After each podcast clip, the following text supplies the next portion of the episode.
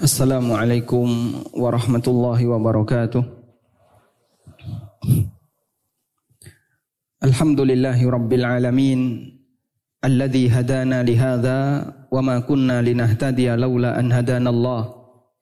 لقد جاء رسل ربنا بالحق ونود أن تلكم الجنة أورثتموها بما كنتم تعملون. وأشهد أن لا إله إلا الله وحده لا شريك له. واشهد ان محمدا عبده ورسوله صلوات ربي وسلام عليه وعلى اله واصحابه ومن صار على نهجه واستنى بسنته الى يوم الدين Alhamdulillah kita layak bersyukur kehadirat Allah Azza wa Jalla Allah Subhanahu wa taala memberikan hidayah kepada kita untuk bisa berkumpul bersama dalam rangka belajar mengadakan halakah zikir, membahas Al-Quran dan Sunnah. Hari ini adalah hari Ahad dan umumnya masyarakat mereka piknik ke Ciwidey atau ke mana lagi? Atau ke tempat rekreasi yang lainnya. Namun Masya Allah Anda datang ke sini piknik di Taman Surga. Datang bareng keluarga atau sendirian? Bareng keluarga. Ada yang sendirian yang masih jomblo. Ya. Ada yang bareng keluarga walhamdulillah. Atau yang masih jomblo bareng keluarga yang lain. Maksudnya diajak temannya ya. Barakallahu fiikum jami'an. Kita belajar bersama. Semoga nanti punya pemahaman yang sama. Dan ketika pemahaman kita lebih seragam, insya Allah ketika ada masalah dalam sebuah keluarga lebih mudah untuk diluruskan. Makanya teman-teman ketika belajar jangan ajak jangan lupa untuk mengajak keluarga sehingga kita satu frekuensi. Tema kajian kita membahas sebuah motivasi dan mungkin nanti akan kami sampaikan tidak panjang karena panitia berharap ada sesi lebih banyak mendengarkan masukan dari para jamaah. Baik, Bapak Ibu yang dimakan Allah Subhanahu wa taala disempitkan tanda benci, dilapangkan tanda cinta. Ini kesimpulan dari mana? Dari firman Allah di surat Al-Fajr. Yang bikin tema bukan kami. Yang mengajukan tema panitia. Karena panitia baru saja membaca surat Al-Fajr, kemudian dia membuat tema ini.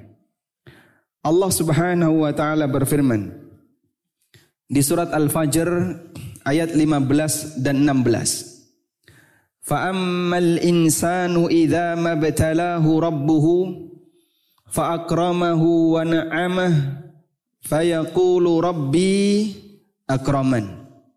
Wa amma idza mabtalahu faqadara alaihi rizqah fayaqulu rabbi ahanan. Allah sebut ini adalah karakter manusia. Allah tidak katakan fa'ammal kafir. Tapi yang Allah katakan apa? Fa'ammal insan. Karena penyakit semacam ini bisa saja terjadi pada diri seorang muslim. Fa'ammal insan, adapun manusia, idza mabtalahu rabbuh, apabila dia mendapatkan ujian dari Rabbnya, fa'akramahu wa na'amah, Allah kasih kelapangan rizki bagi dia. Allah berikan banyak nikmat untuknya.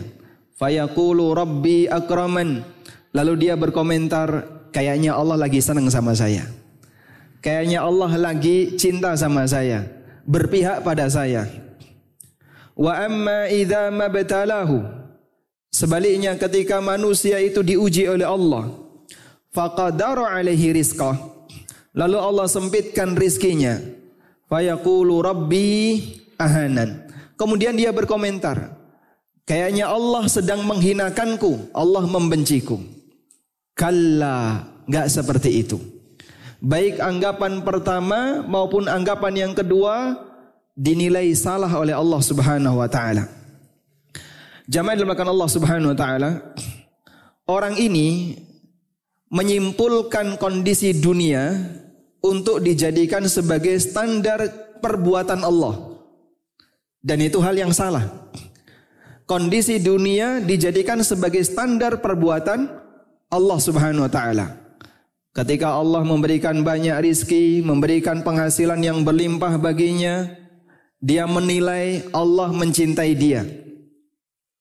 Sebaliknya ketika Allah Subhanahu wa taala menyempitkan penghasilannya, menyempitkan pendapatannya, dia menilai Allah sedang tidak suka sama dia. Perbuatan Allah dalam urusan dunia, dalam masalah takdir dunia, dijadikan sebagai standar untuk menyimpulkan perbuatan Allah dalam masalah syariat. Padahal cinta dan benci Allah itu tidak bergantung kepada kondisi dunia. Paham di sini kesimpulannya? Baik.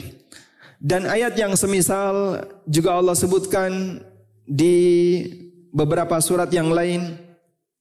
Di antaranya firman Allah Subhanahu wa taala. Di surat Al-Mu'minun ayat 55 dan 56 ayahsabuna annama numidduhum bihi mim mali wa banin. Nusari'u lahum fil khairat bal la yash'urun. Allah berfirman di surat Al-Mu'minun ayahsabuna annama numidduhum Apakah mereka menyangka ketika kami memberikan kelapangan kepada mereka mimali wa berupa harta yang banyak, keturunan yang banyak. Nusari'u lahum fil khairat, berarti kami menyegerakan kebaikan untuk mereka. Bal sebaliknya, la yash'urun, ternyata mereka tidak punya pemahaman, mereka enggak merasa kalau sebenarnya Allah Subhanahu wa taala sedang memberikan ujian bagi mereka. Karena baik kebaikan dalam urusan dunia kondisi yang nyaman dalam urusan dunia maupun kondisi yang sempit dalam urusan dunia, semuanya Allah jadikan sebagai potensi ujian.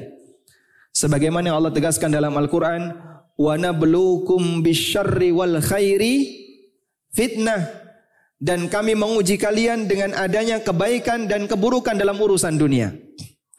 Orang dijadikan kaya itu ujian. Orang dijadikan sukses dalam usaha itu juga ujian.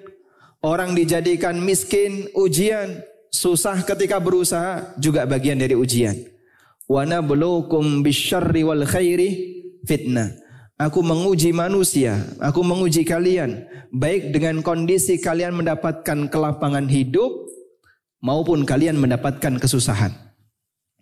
Karena itulah jamaah yang Allah, para ulama membuat kesimpulan yang namanya kaya dan miskin secara zatnya. Secara zatnya artinya secara status kondisi kaya dan miskin. Tidak ada nilai pujian maupun celaan. Sehingga kalau kita ditanya, siapa yang lebih mulia, manusia kaya atau manusia miskin? Jawabannya? Jawabannya apa? Tidak ada nilai kelebihan. Baik yang kaya maupun yang miskin tidak ada nilai kelebihan. Maka yang kaya tidak boleh dia merasa lebih tinggi derajatnya dibandingkan yang miskin. Hal yang sama, yang miskin tidak boleh merasa lebih tinggi derajatnya dibandingkan yang yang kaya. Karena kaya dan miskin itu murni pilihan dari Allah dan bukan atas pilihan mah, makhluk. Makanya kalau misalnya di masjid ini ya, Anda disuruh milih Mana yang lebih baik? Kaya yang bersyukur ataukah miskin yang sabar? Saya tanya yang lebih baik, bukan Anda milih yang mana ya. Mana yang lebih baik? Kaya yang bersyukur atau miskin yang sabar? Kaya yang bersyukur. Miskin yang sabar. Belakang. Kaya yang sabar. Masya Allah. ini terlalu sering berurusan dengan pajak. Makanya mungkin sering sakit hati jadi orang kaya yang sah, sabar. Baik, mana yang lebih baik antara kaya bersyukur atau miskin yang sabar? Ini yang lebih baik mana? Ada yang jawab kaya bersyukur, ada yang menjawab miskin yang sabar. Ulama berbeda pendapat. Dan memang ulama berbeda pendapat. Syekhul Islam Ibnu Taimiyah membahas masalah ini cukup panjang. Menjelaskan masing-masing dalil antara kaya yang bersyukur dengan miskin yang sabar. Dari sekian banyak dalil itu dibandingin kira-kira mana yang lebih afdol di hadapan Allah Subhanahu wa taala. Ada yang mengatakan kaya bersyukur dengan alasan orang bersyukur itu sedikit.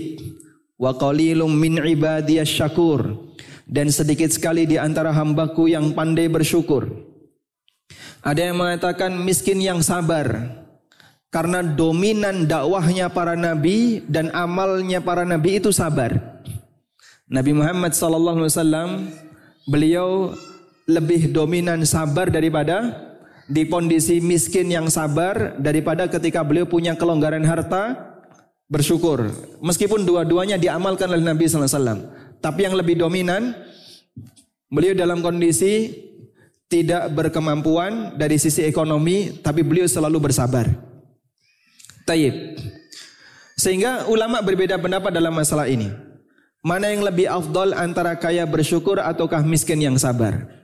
Kesimpulan yang, yang disampaikan oleh Syekhul Islam Ibn Taimiyah tidak bisa dibandingkan yang paling penting adalah mana yang paling bertakwa. Karena Allah kembalikan itu kepada takwa. Gimana ayatnya?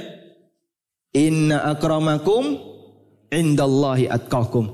Sesungguhnya manusia yang paling mulia di antara kalian di sisi Allah adalah manusia yang paling bertakwa sehingga siapa yang lebih afdol antara kaya bersyukur dan miskin yang sabar? Jawabannya yang lebih bertakwa. Karena itulah beda-beda antara satu manusia dengan yang lain. Sesuai dengan apa yang Allah kehendaki. Ada orang kaya bersyukur dan dia lebih bertakwa dibandingkan miskin yang sabar. Maka dia lebih afdol. Sebaliknya ada orang miskin yang sabar lebih bertakwa dibandingkan kaya yang bersyukur. Maka miskin yang sabar ini lebih afdol dilihat dari sejauh mana itu bisa mengantarkan dia kepada ketakwaan. Maka yang namanya kaya dan miskin tidak terpuji secara datnya. Yang lebih penting adalah di posisi mana Anda berada, bisakah Anda jadikan posisi Anda itu mengantarkan Anda kepada takwa? Karena kita kalau disuruh milih, jadi kaya bersyukur ataukah miskin yang sabar, nggak usah jawab Pak ya. Yakin ijma di sini pilih kaya bersyukur. Bil ijma. Dengan sepakat bapak dan ibu. Saya sempat tanya kepada salah satu jamaah waktu di Jakarta. Pilih kaya bersyukur atau miskin yang sabar. Ada satu jamaah bilang, saya pengen jadi miskin yang sabar. Tenane. Serius ini. Sanggup Pak Ustadz. Masya Allah. Memang dulu sahabat itu ada yang demikian. Seperti yang pernah dialami oleh siapa? Abu Darda radhiyallahu anhu. Abu Darda radhiyallahu anhu jadi begini ya. Kita dikasih kelebihan oleh Allah untuk beribadah kepadanya sesuai dengan potensi yang ada pada diri kita. Sehingga masing-masing manusia selera ibadahnya itu beda-beda. Mungkin ada di antara kita yang senang sholat. Sehingga sholat dia lebih dominan dibandingkan puasa. Ada di antara kita yang senang puasa. Maka ibadah puasanya lebih dominan dibandingkan yang lain. Ada di antara kita yang senang sedekah. Tapi ketika dia diajak ngaji mungkin masih malas-malasan. Ada yang senang ibadah ngaji, tapi diajak ibadah yang lain gak sesemangat ngaji. Masing-masing orang dikasih oleh Allah kemampuan beribadah yang berbeda-beda. Dan Imam Malik bin Anas rahimahullah pernah mengatakan, Inna Allah qassamal a'mal kama qassamal arzaq. Allah bagi amal bagi para hamba sebagaimana Allah bagi rizki. Di sini ada banyak pengusaha. Bidang usaha Anda sama atau beda? Beda ya? Sebelah kanan warung kopi, yang tengah produsen kopi, sebelah kiri kafe kopi, kopi kafe pak. Karena kan kita biasanya ngikuti bisnis sesuai tren, kopi kopi kafe ya.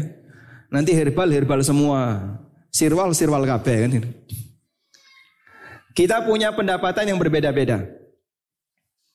Ada yang pendapatan di consumer, ada di fashion, ada di konsultan, ada sebagai karyawan, semuanya berujung pada pendapatan yang halal. Begitu ya?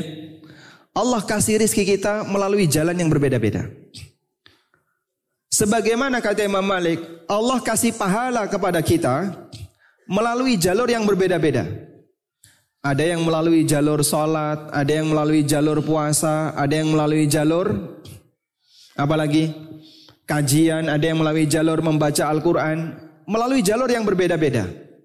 Tapi muaranya satu, yaitu pahala dari Allah Subhanahu wa taala. Maka demikian pula dalam masalah amal batin jamaah. Ada sebagian di antara manusia yang dia dikasih oleh Allah kemampuan beramal batin dari sisi sabar. Ada yang dikasih oleh Allah dia lebih dominan amal batin dari sisi syukur. Ada yang dikasih oleh Allah dominan amal batin dari sisi apalagi misalnya tawakal. Berbeda-beda antara satu dengan yang lain. Dan kita biasanya bisa mengenali. Bapak kalau saya tanya, Bapak amal andalanya apa? Salat, puasa, sedekah, kajian atau apa? Masing-masing orang bisa jawab. Mas saya itu senang sholat. Kalau saya disuruh puasa saya nggak sanggup. Saya senang puasa. Saya itu rasanya senang kalau puasa nyaman. Apalagi di rumah tidak ada apa-apa. Ada yang dia lebih senang dengan membaca Al-Quran. Ada yang lebih senang di ibadah A, B, dan seterusnya. Itulah kita. Bisa menilai amal dohir apa yang sesuai selera. Namun sahabat lebih tinggi dari itu. Mereka bisa menilai amal batin apa yang lebih sesuai selera. Itu lebih sulit jamaah. Contohnya gimana? Abu Darda. Beliau pernah mengatakan begini. Al-maradu ahabbu ilayya minas sihah. Wal faqru ahabbu ilayya minal ghina. Jadi orang yang gampang sakit lebih saya sukai daripada jadi orang yang selalu sehat.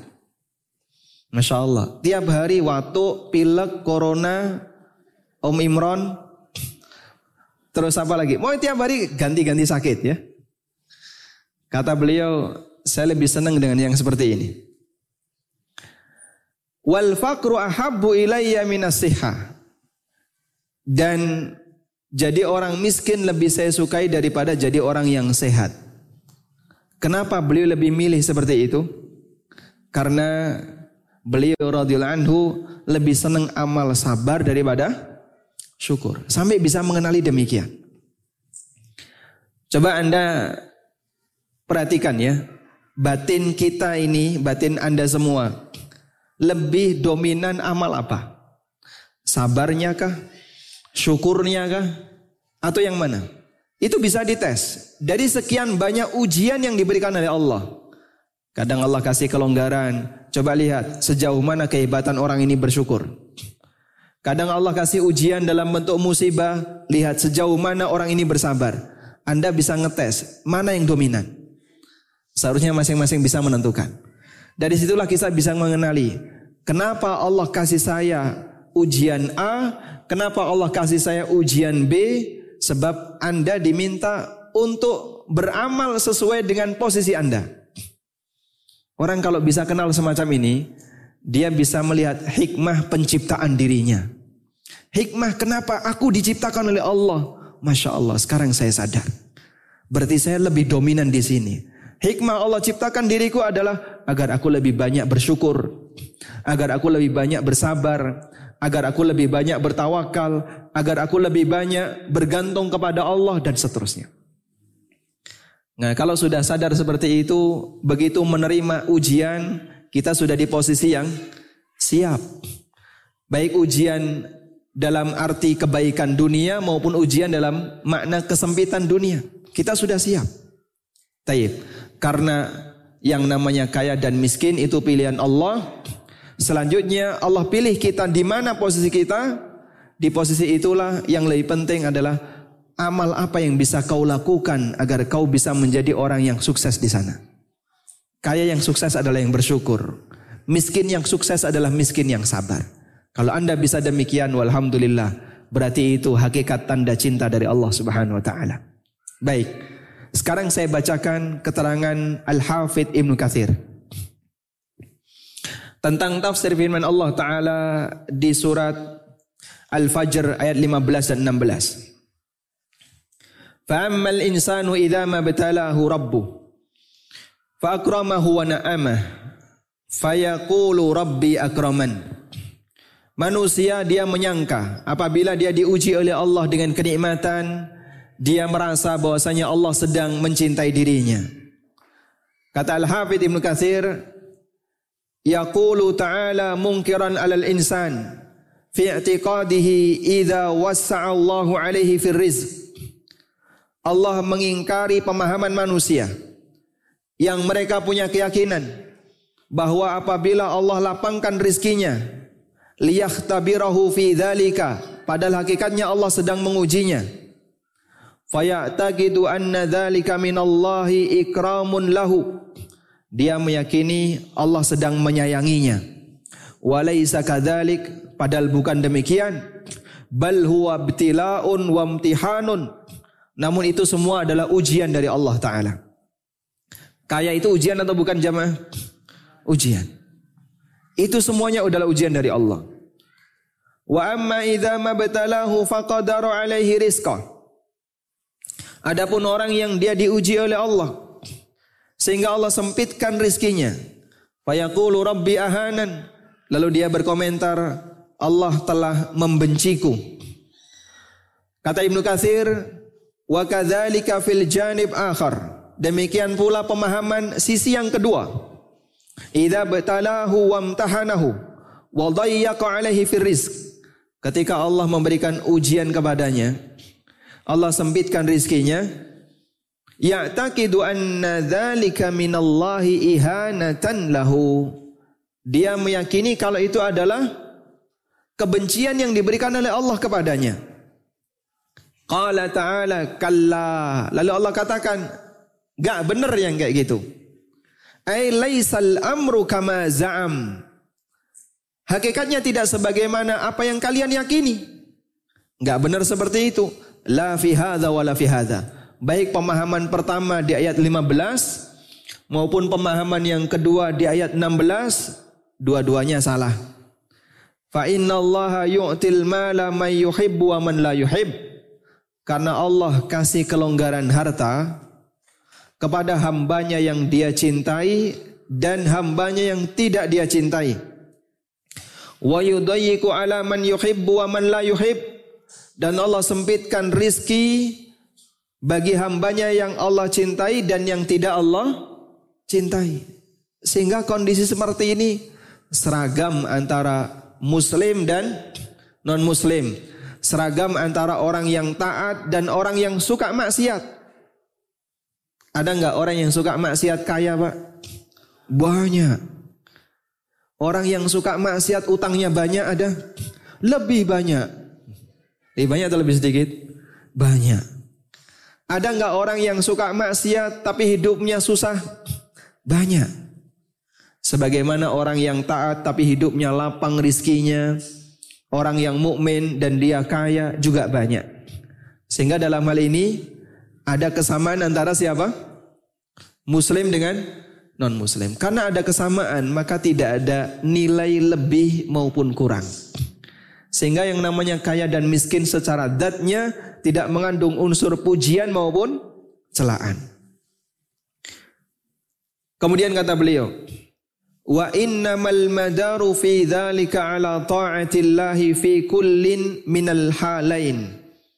Namun yang lebih penting adalah bagaimana agar orang itu bisa selalu taat kepada Allah di masing-masing keadaan. Jadi miskin dan kaya itu pilihan Allah. Dan selanjutnya ketika Anda di posisi miskin maupun di posisi kaya, pertanyaannya adalah Anda nggak bisa melakukan ketaatan di situ. Bisakah Anda melakukan ketaatan di situ? Dan Allah Maha Adil, masing-masing dikasih amal oleh Allah. Orang kaya dikasih amal syukur, orang miskin dikasih amal sabar. Tinggal selanjutnya kamu jalani fungsi kamu di sini. Karena Allah ciptakan kamu untuk menjalankan hikmah agar kau bisa rajin syukur, agar kau bisa rajin sabar. Begitu jamaah. Itulah teori yang disampaikan, itulah penjelasan yang disampaikan oleh Ibnu Katsir. Idza kana ghaniyan bi ayyashkurallaha ala dzalik. Dalam arti ketika dia di posisi kaya, dia bisa bersyukur. Wa in kana fakiran bi ayyasbir. Dan pada waktu dia di posisi miskin, dia bisa sabar. sehingga dia menjalankan fungsi masing-masing. Karena amal nggak bisa dibuat serah, seragam. Kalau dibuat seragam, dinamika hidup ini nggak jalan. Maka terkadang ada yang dikasih posisi A, dikasih posisi B. Tinggal selanjutnya, apakah kita bisa menjalankan tugas itu sesuai dengan posisi kita ataukah tidak? Allah tidak mempertanyakan kita, kenapa kau jadi miskin? Enggak. Tapi Allah akan meminta pertanggungjawaban. Kenapa kau nggak sabar ketika dikasih kemiskinan? Maka yang dipikir bukan miskinnya, tapi apa Pak? Sabarnya. Sehingga solusi yang diberikan itu bukan gimana mengentaskan orang dari kemiskinan, bukan. Tapi solusi yang diberikan oleh agama, gimana ngajari orang untuk bisa sabar ketika miskin. Kita kan kadang mikirnya kayak gitu ya. Ini ada banyak masalah masyarakat. Apa masalahnya? Kondisi ekonomi mereka miskin. Terus gimana kita pecahkan solusinya? Buat mereka kita entaskan dari kemiskinan. Tidak bisa pak. Kaya dan miskin itu pilihan Allah. Dan bukan pilihan manusia. Bolehlah anda membantu mereka. Ngasih kesempatan mereka untuk bersama-sama mendapatkan sebagian harta kita. Atau anda ngasih lowongan pekerjaan bagi dia. Boleh. Tapi jangan Anda punya keyakinan itu adalah upaya yang kita lakukan untuk menjauhkan dia dari kemiskinan. Tidak bisa. Itu takdir. Pilihan Allah. Maka yang kita ajarkan bukan gimana cara dia keluar dari miskin. Tapi yang kita ajarkan adalah bagaimana agar dia bisa berposisi yang beramal yang benar sesuai dengan posisinya. Nabi Shallallahu Alaihi Wasallam kalau kita ditanya, beli itu kaya yang bersyukur atau miskin yang sabar? Jawabannya yang mana? Dua-duanya. Dua-duanya. Rasulullah sallallahu alaihi wasallam beliau adalah orang yang kaya bersyukur dan sekaligus miskin yang sabar. Tapi yang lebih dominan yang kedua. Karena itulah Rasulullah wasallam di posisi ini beliau tidak kemudian mengajak kepada para sahabat. Nanti kita akan kaya bareng-bareng, tidak. Dan dominan sahabat itu tidak mampu. Jauh lebih rendah secara ekonomi dibandingkan orang yang hidup di zaman sekarang. Coba tanyakan kepada ibu-ibu ya. Ada nggak di antara ibu-ibu yang waktu hari raya nggak punya jilbab? Ada? Kalau waktu berangkat sholat id nggak pakai jilbab ada pak? Banyak. Berangkat sholat id nggak pakai jilbab ada pak? Banyak. Tapi kalau ibu-ibu waktu datang sholat id nggak punya jilbab, nemu nggak pak? Nggak ketemu gitu. Masya Allah. Dulu ada sahabiat pada waktu Nabi Shallallahu Alaihi Wasallam perintahkan kepada para sahabat keluar semuanya, laki perempuan sampai pun wanita haid ajak keluar. Gadis-gadis pingitan ajak keluar semuanya. Datang salah satu sahabat, "Ya Rasulullah, sesungguhnya fulanah enggak punya jilbab." Apa kata Nabi sallallahu alaihi wasallam? Tolong saudarinya meminjamkan jilbab kepadanya. Gak jumpa kita pak. Di zaman sekarang ada orang hari raya nggak punya jilbab. Kalau nggak pakai jilbab banyak ya. Tapi kalau nggak punya jilbab mungkin tidak ada. Saking sederhananya kehidupan yang dialami oleh para sahabat Nabi sallallahu alaihi wasallam. Tayyib. Kemudian jamaah dimulakan Allah Subhanahu wa taala. Ketika orang itu merasa bahwa pada saat dia kaya, pada saat dia kaya dia merasa Allah sedang cinta kepadanya. Allah balas dan Allah jelaskan dalam Al-Quran. Ini adalah hakikatnya istidraj dari Allah untuk menguji apakah dia mau taat ataukah tetap bertahan dalam maksiat. Sebagaimana yang Allah firmankan di surat Al-Mu'minun yang tadi sudah kita kutip ayat 55 dan 56. Allah Ta'ala berfirman ayahsabuna annama numidduhum bihi mimmali wa banin nusari'u lahum fil khairat bal la yash'urun Apakah mereka menyangka ketika aku berikan kelapangan kepada mereka berupa harta dan anak. Mereka merasa bahasanya Allah telah menyegerakan kebaikan baginya. Balla yash'urun. Namun mereka tidak merasa kalau itu adalah istidraj dari Allah. Kata Ibnu Katsir rahimahullah ketika beliau menjelaskan surat Al-Mu'minun ayat 55 56. Ayadhunnu haula'il magrurun Apakah orang yang tertipu dengan kehidupan dunia itu punya keyakinan annama nu'tihim minal amwali wal aulad bahwa harta anak yang aku berikan kepada mereka dan rata-rata orang kaya di zaman Nabi SAW orang musyrikin di zaman Nabi SAW lebih kaya dibandingkan mukmin baik ketika beliau berada di Mekah maupun di Madinah Yahudi itu Masya Allah ya. Kebun kurmanya banyak. Kemudian mereka menguasai perdagangan di pasar-pasar Madinah. Demikian pula orang musyrikin Mekah. Mereka lebih dominan dalam masalah ekonomi dibandingkan orang-orang yang beriman. Makanya waktu Abu Sufyan ditanya oleh Raja Heraklius dan waktu itu Abu Sofyan sudah masuk Islam atau belum? Belum. Ditanya oleh Raja Heraklius. Amuttabi'uhum ahlul fakri am ahlul ghina? Yang menjadi pengikut Muhammad itu orang yang kaya ataukah orang yang miskin? Bal du'afa minna.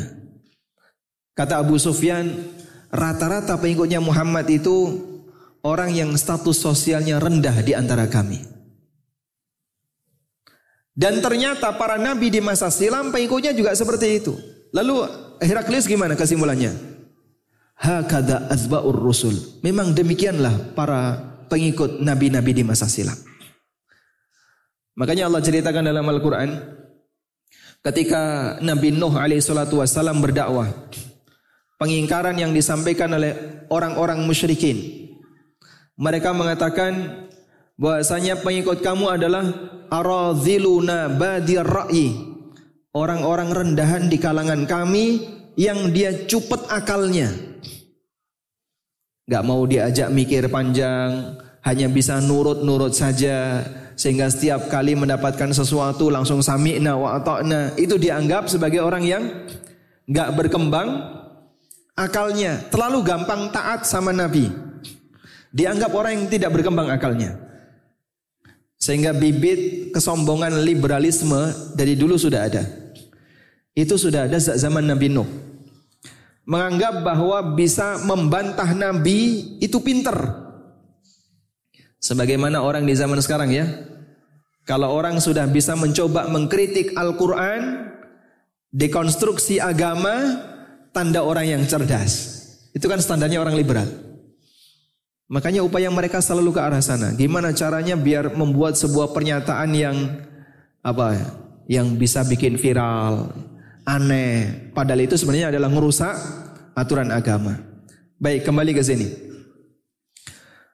Mereka ketika dikasih oleh Allah harta yang banyak, anaknya keturunannya juga banyak, mereka menyangka karena Allah memuliakannya dan Allah menyayanginya. Kalla laisal amru kama yaz'umun. Gak benar. Tidak sebagaimana yang kalian yakini. Laqad akhtau fi dzalika wa khaba raja'uhum. Sungguh mereka telah memiliki pemahaman yang salah dan harapan mereka juga keliru. Bal innama naf'alu bihim dzalika istidrajan wa intidharan wa imla'an. Namun aku memberikan kekayaan bagi mereka fungsinya adalah istidraj. Istidraj itu apa Pak? Ya. Dibiarkan tenggelam dalam kemaksiatan dengan dikasih banyak layanan. Panjang ya definisinya. Dalam bahasa Indonesia, dibiarkan tenggelam dalam kemaksiatan atau kesalahan dengan diberi banyak fasilitas dan layanan. Itu definisi istidraj.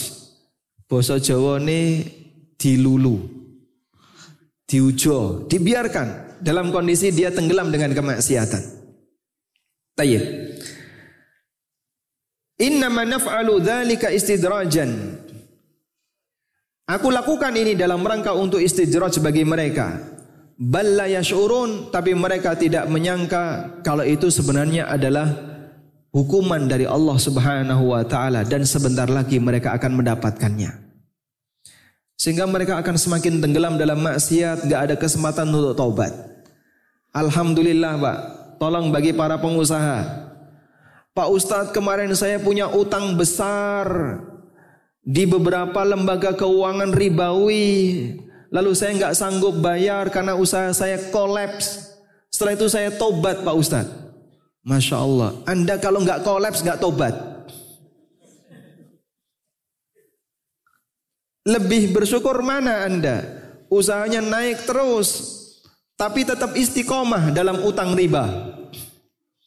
Ataukah dikasih oleh Allah kesempatan usahanya nyungsep kolaps, akhirnya Anda bingung mikir utang terus tobat dari riba.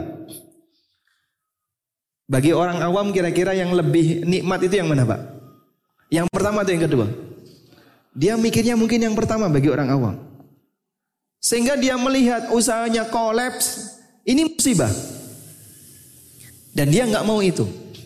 Padahal banyak para pengusaha yang tobatnya itu gara-gara kolaps. Coba kalau dia nggak kolaps, istiqomah itu di atas riba.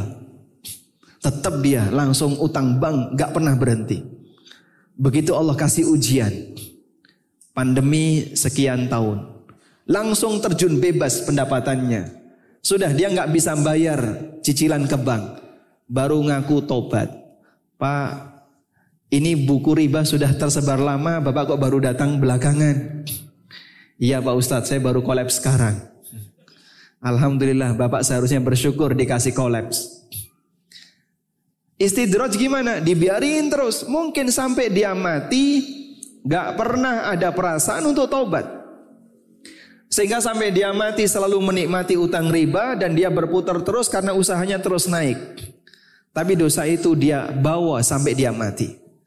Bersyukur kalau Anda pengusaha yang dikasih kesempatan oleh Allah untuk ber, untuk bertaubat sadar kalau transaksi riba ini adalah berbahaya. Tanya. Karena itulah jamaah yang dimulakan Allah, Nabi sallallahu alaihi wasallam menegaskan dalam sebuah hadis riwayat Ahmad. Hadis ini penting untuk dicatat. Silahkan nyatat ya. HP-nya silahkan dipakai untuk nyatet, ya. bukan dipakai untuk ngambil gambar. Anda mau pulang bawa ilmu atau bawa foto ustadz? Hah? Bawa apa? Bawa ilmu, baik. HP-nya dipakai untuk nyatet ya. Nah. Imam Ahmad bin Hambal rahimahullah pernah menyebutkan Inna Allah qassama bainakum akhlaqakum kama qassama bainakum arzaqakum. Sudah catat? Belum? Saya ulang ya.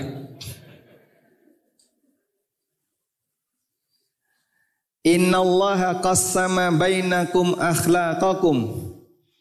Sesungguhnya Allah membagi akhlak kepada kalian. Kama qassama bainakum arzaqakum. Sebagaimana Allah membagi rizki kepada kalian.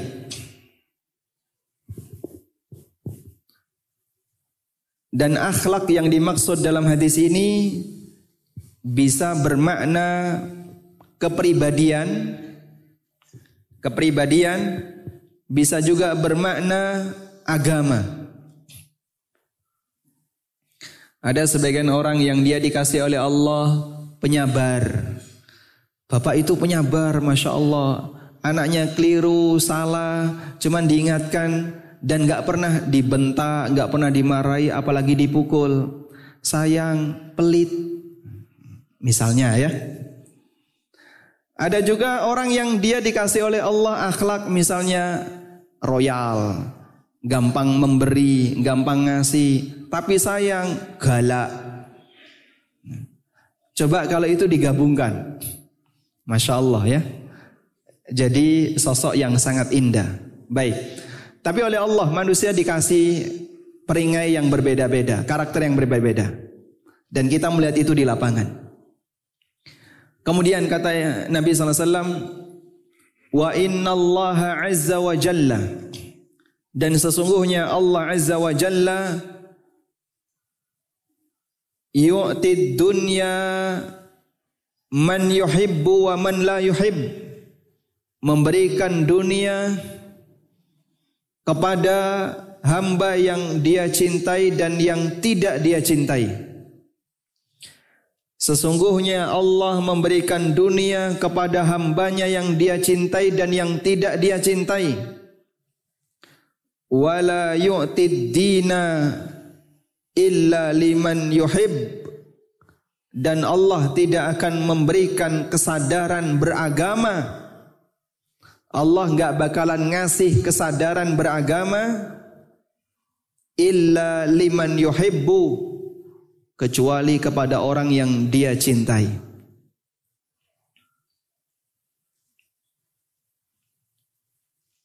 Lengkap nyatetnya Pak? Lengkap insya Allah? Baik. Ada yang berani ngulang? Silakan diulang. Tafadhal.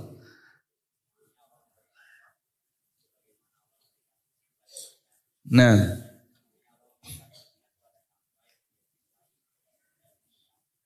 yang tidak dia cintai.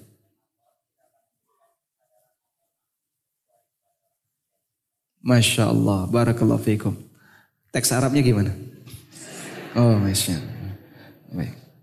Ini ada pilihan hadiah. Yang merah. Masya Allah, baik. Barakallahu fikum. Baik. Lanjutannya. Masih ada lanjutannya ya. Faman a'tahu Allahu din faqad ahabbah. Maka siapa yang Allah kasih kesadaran dalam beragama berarti Allah mencintainya. Hadis riwayat siapa tadi? Ahmad dalam Al-Musnad. Baik. Dan hadis ini semakna dengan hadis yang lain. Hadis yang sangat ma'ruf May yuridillahu bi khairan yufaqihu fiddin. Barang siapa yang Allah kehendaki untuk mendapatkan kebaikan, maka Allah pahamkan dia dalam urusan agama. Sehingga tanda cintanya Allah diletakkan di sini jamaah. Bukan di urusan dunia. Karena dalam urusan dunia ada kesamaan antara muslim dengan non muslim antara yang taat dengan yang suka maksiat nggak ada nilai bedanya sesuai kehendak Allah Subhanahu wa taala. Tayyib prestasi yang sebenarnya adalah ketika Anda punya kesadaran agama. Allah nggak bakalan memberikan kesadaran agama kecuali kepada hambanya yang dia cintai. Faman a'tahu Allahu dina faqad ahabba. Maka barang siapa yang diberi oleh Allah kesadaran beragama berarti dia telah dicintai oleh Allah Subhanahu wa taala. Dan bersyukurlah jamaah kalau Anda punya kondisi semacam ini. Walhamdulillah. Kemudian muncul masalah. Apa masalahnya? Ada sebagian orang, Pak, yang dia dekat dengan agama kalau pas lagi usahanya lancar. Dia senang ngaji, dia dekat dengan ustadz, ketika rizkinya lagi bagus. Dia dekat dengan salat, dia rajin puasa, rajin tahajud ketika bisnisnya berkembang. Tapi begitu giliran dia diuji oleh Allah, bisnis satu kolaps. Bisnis yang kedua utangnya belum beres. KPR dikejar sama bank. Ini leasing sudah mulai mau ditarik. Pusing dia, stres, ninggalkan agama. Ke mana Fulan? Biasanya rajin. Tidak tahu Ustaz, sekarang mereka dia sudah sibuk dengan bisnis yang baru. Dia mau ngejar target. Sampai muncul pemahaman. Gara-gara hijrah inilah. Saya jadi semakin sulit dalam mengembangkan bisnis. Dikit-dikit tidak boleh riba, goror, haram, resign sekarang. Masya Allah, ini kajian kok semuanya serba dilarang. La haula wa la quwata illa billah. Baik. Sebenarnya suasana seperti ini pernah terjadi di masa silam. Terjadi pada orang Badui, Pak. Terjadi pada orang Badui. Karakter Badui-Badui seperti ini masih dimiliki oleh orang zaman sekarang. Sehingga andaikan dia itu hidup di masa silam, mungkin dia jadi Badui. Allah Subhanahu wa taala berfirman Wa minan nasi may ya'budullaha ala harfin. Di antara manusia ada orang yang beribadah kepada Allah di pinggiran. Apa sih maksudnya beribadah kepada Allah di pinggiran? Ada di surat Al-Hajj ayat 11 Silakan dibuka mushafnya surat Al-Hajj ayat 11 Silakan dibuka Yang bawa mushaf, HP-nya ada mushaf, silakan dibuka Al-Hajj ayat 11. Surat Al-Hajj surat keberapa, Mas? 22. Surat 22 ayat 11. Ketemu? Ketemu? Baik. Coba kita buka di sini ya. Bisa share screen ini? Alhamdulillah bisa.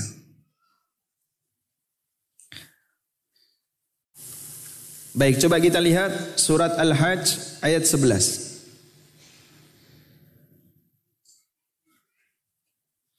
Allah Ta'ala berfirman, Wa minan nasi man ya'budullaha ala harf. Di antara manusia ada yang beribadah kepada Allah di pinggiran. Fa in asabahu khairul ma'an nabih. Fa in asabahu khairun yatma'an nabih. Kalau dia mendapatkan kebaikan, dia merasa tenang dengan Islam. Wa in asabathu fitnatun inqalaba ala wajhi. Dan ketika dia mendapatkan ujian berupa sempitnya rizki, inqalaba ala wajhi, dia balik ke belakang alias murtad. Bisa nggak ayat Qur'annya disajikan di depan? Coba sedang diupayakan sama operator ya. Bisa? Bisa, baik. Oh sudah, baik. Lebih kecil lagi bisa ini? Tidak bisa ya? Oh, baik. Oh pas ya. Wa in asabatu fitnatun inqalaba ala wajhi. Dan kalau dia sedang diuji oleh Allah dengan sempitnya rizki, dia balik arah. Balik arah maksudnya gimana Pak? Kalau dulu murtad dia meninggalkan Islam. Khasirat dunya wal akhirah. Sungguh orang ini adalah orang yang rugi dunia akhirat. Dzalika huwal khusranul mubin dan itu adalah kerugian yang sangat nyata. Ada kejadian apa kok sampai Allah sebut ada orang yang beribadah kepada Allah di pinggiran. Sehingga orang ini ketika dia menjadi seorang muslim itu ragu maju mundur, maju mundur. Fi syak. Dia berada dalam keraguan. Gak yakin dengan agama yang dia anut. Coba kita baca keterangan yang disampaikan oleh Ibnu Qayyim, oleh Ibnu Katsir rahimahullah. Dalam Ibnu Katsir, beliau membawakan dua riwayat. Yang satu riwayat Bukhari dan yang satu riwayat Ibnu Abi Hatim. Dalam riwayat Bukhari dari Sa'id bin Jubair. Kelihatan Pak? Kelihatan jamaah? Ya? Saya tanya kelihatan atau tidak? Bukan bisa baca enggak? Nanti kita bacakan ya. Kelihatan Pak? Kelihatan Alhamdulillah. Yang penting kelihatan dulu ya. Tayyib. Dari Sa'id bin Jubair rahimahullah ulama tabi'in ya. Dari Ibnu Abbas radhiyallahu anhu tentang wa minan nasi may ya'budullaha ala harf.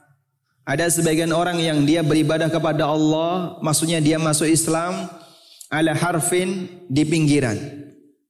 Kana rajulu yaqdumul Madinah. Ada orang yang dia datang ke kota Madinah. Ini nggak bisa dibesarin ya. Nggak bisa kayaknya dibesarin. Nah, ada orang yang dia datang ke Madinah. Lalu dia masuk Islam. Kemudian dia pulang ke kampung halamannya. Fa in waladat imra'atuhu gulaman. Kalau setelah dia masuk Islam, kemudian ketika pulang ke rumah, kok istrinya melahirkan anak laki-laki. Wa natijat khailuhu dan kudanya juga melahirkan anak kuda. Qala maka si Badui ini berkomentar, "Hadza dinun saleh." Ini agama yang bagus ini. Begitu saya masuk Islam, rezeki saya semakin lancar. Istri saya melahirkan anak laki-laki, kuda saya berkembang, ternak saya makin banyak. Wa illam talid imra'atuhu. Tapi kalau anaknya enggak melahirkan anak laki, kalau istrinya enggak melahirkan anak laki-laki, walam tantus khailuhu dan kudanya tidak melahirkan anak qala hadza maka mereka komentar ini agama gak memberikan keberkahan. Ini agama yang buruk tidak mendatangkan keberkahan. Rawahul bukhari ini riwayat dari Ibnu Abbas yang disebutkan dalam sahih Bukhari. Kemudian kita beralih kepada keterangan Ibnu Abi Hatim. Riwayat Ibnu Abi Hatim. Masih dari Sa'id bin Jubair dari Ibnu Abbas. Beliau menceritakan, "Kana nasun minal a'rab" Ada beberapa orang dari Badui ya'tunan nabiyya sallallahu alaihi wasallam fayuslimun. Mereka mendatangi Nabi sallallahu alaihi wasallam lalu masuk Islam. Fa idza raja'u ila biladihim. Kemudian ketika mereka pulang ke daerah mereka, ke kampung halaman mereka, fa in wajadu ama ghaithin wa ama khasbin wa ama wiladin qalu hasan inna dinana hadza la salih fatamassaku bihi Apabila mereka jumpai pada tahun itu adalah tahun penuh dengan hujan. Banyak hasil panen, anak banyak yang lahir, maka mereka berkomentar, "Wah, ini agama agama yang mendatangkan keberkahan." Istiqomah kalian di atas agama ini. Itu prinsip mereka. Sebaliknya, wa in wajadu ama jadubatin wa ama wiladin su wa ama qahtin.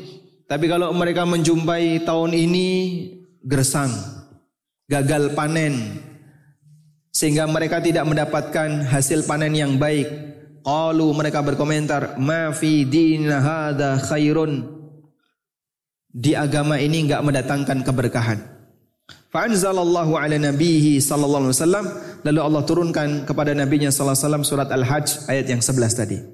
Wa minan nasi may ya'budullaha ala harf. Ada sebagian orang yang dia beribadah kepada Allah di pinggiran. Itu hijrah tapi enggak serius. Bilangnya hijrah tapi cuman cari peluang, cari pasar. Sampai ada sebagian yang nyesel, saya nyesel hijrah. Kenapa Pak? Pisah dengan keluarganya, usahanya hilang semuanya, dia nggak punya apa-apa, habis gara-gara hijrah. Loh Bapak yang dicari hijrah apa? Katanya ketika hijrah itu rizki semakin bertambah, usaha semakin lancar. Itu yang testimoni di Facebook bohong semuanya itu. Yang buat itu bukan ustadz pak. Tidak tahu. Ya. ya para pengusaha hijrah lalu ketika hijrah dia tinggalkan riba, dia tinggalkan sesuatu yang haram, usahanya berkembang. Ditulislah testimoni. Dikumpulin dari banyak sekali testimoni orang-orang yang hijrah. Dia hijrah motivasinya ini. Begitu dia jalani, betul tinggal tinggalkan riba, dia tinggalkan transaksi yang dilarang. Dulu suka main sogok. Dulu suka bermain dengan cara curang.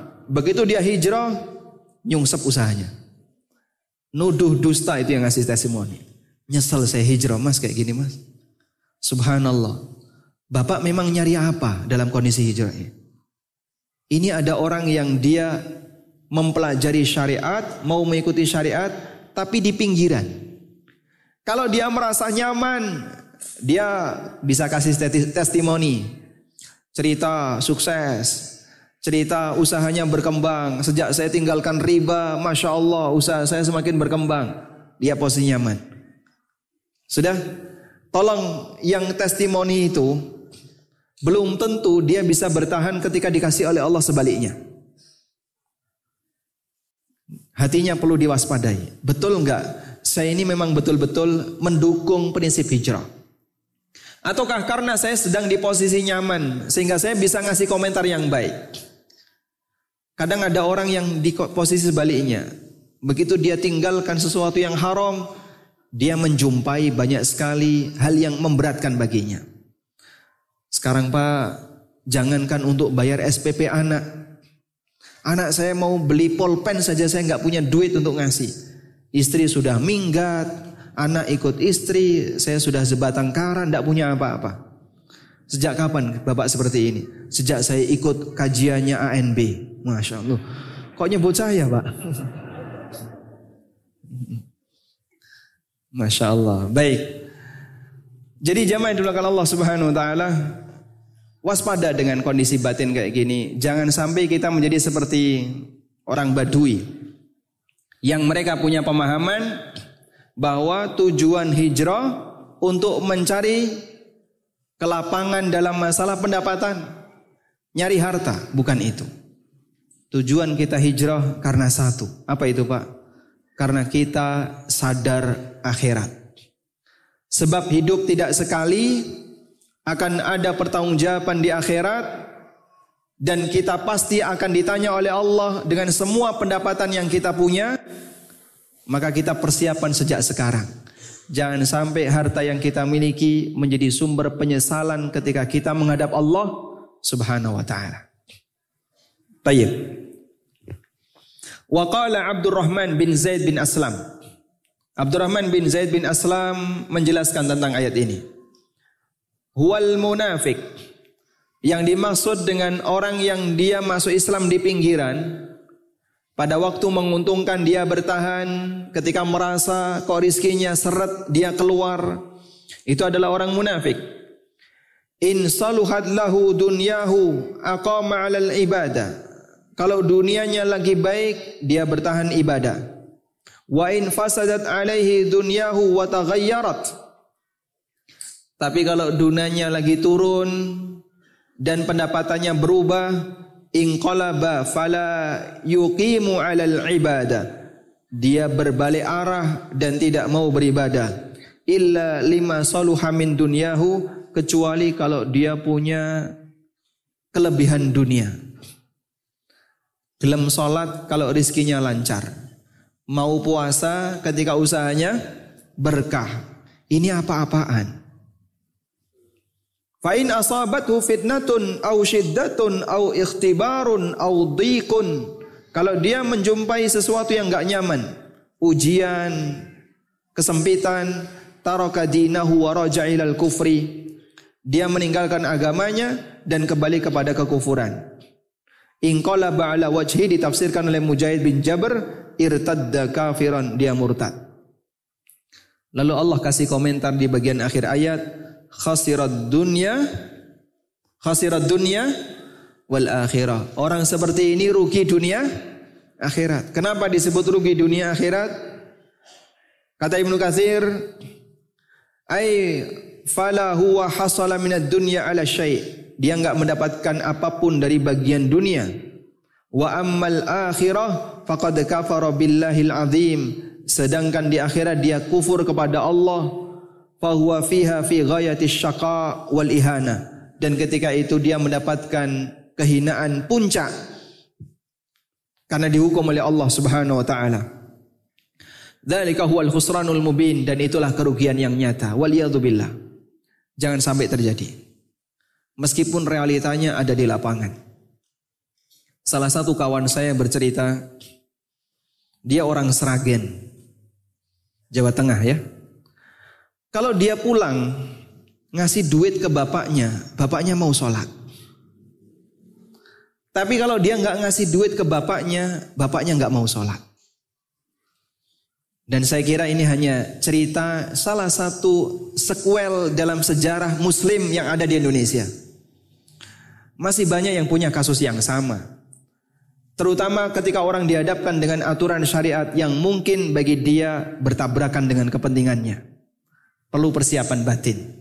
Ingat yang namanya standar cinta dan bencinya Allah tidak dilihat dari berapa banyak harta yang Anda punya, berapa banyak kesuksesan bisnis yang Anda miliki, tapi sejauh mana Anda bisa selalu bertakwa kepada Allah Subhanahu wa taala. Wallahu taala alam wa sallallahu ala nabiyyina Muhammadin wa ala alihi wa sahbihi wasallam. Baik. Baik, syukran Ustaz atas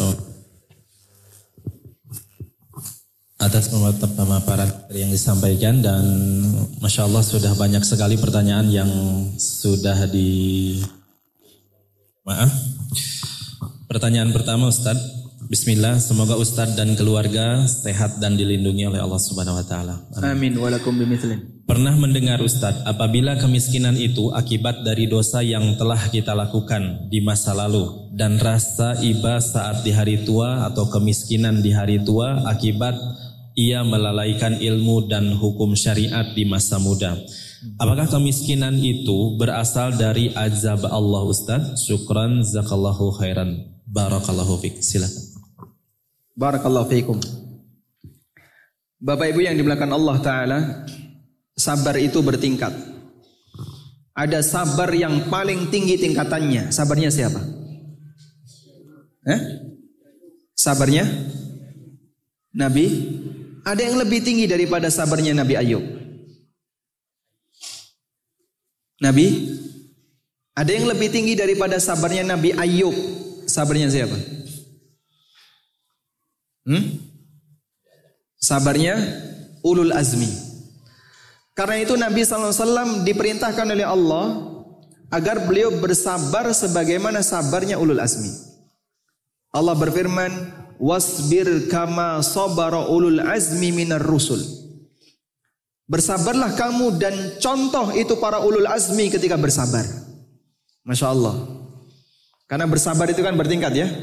Dan sabar yang paling puncak adalah sabarnya ulul azmi. Saya tanya, ulul azmi itu, uh, Nabi Ayub itu masuk ulul azmi atau tidak? Masuk atau tidak Pak? Coba sebutin ulul azmi siapa saja? Satu. Coba lihat ke sini Mas. Ulul azmi siapa saja? Satu. Ulu azmi. Ulul azmi ada berapa?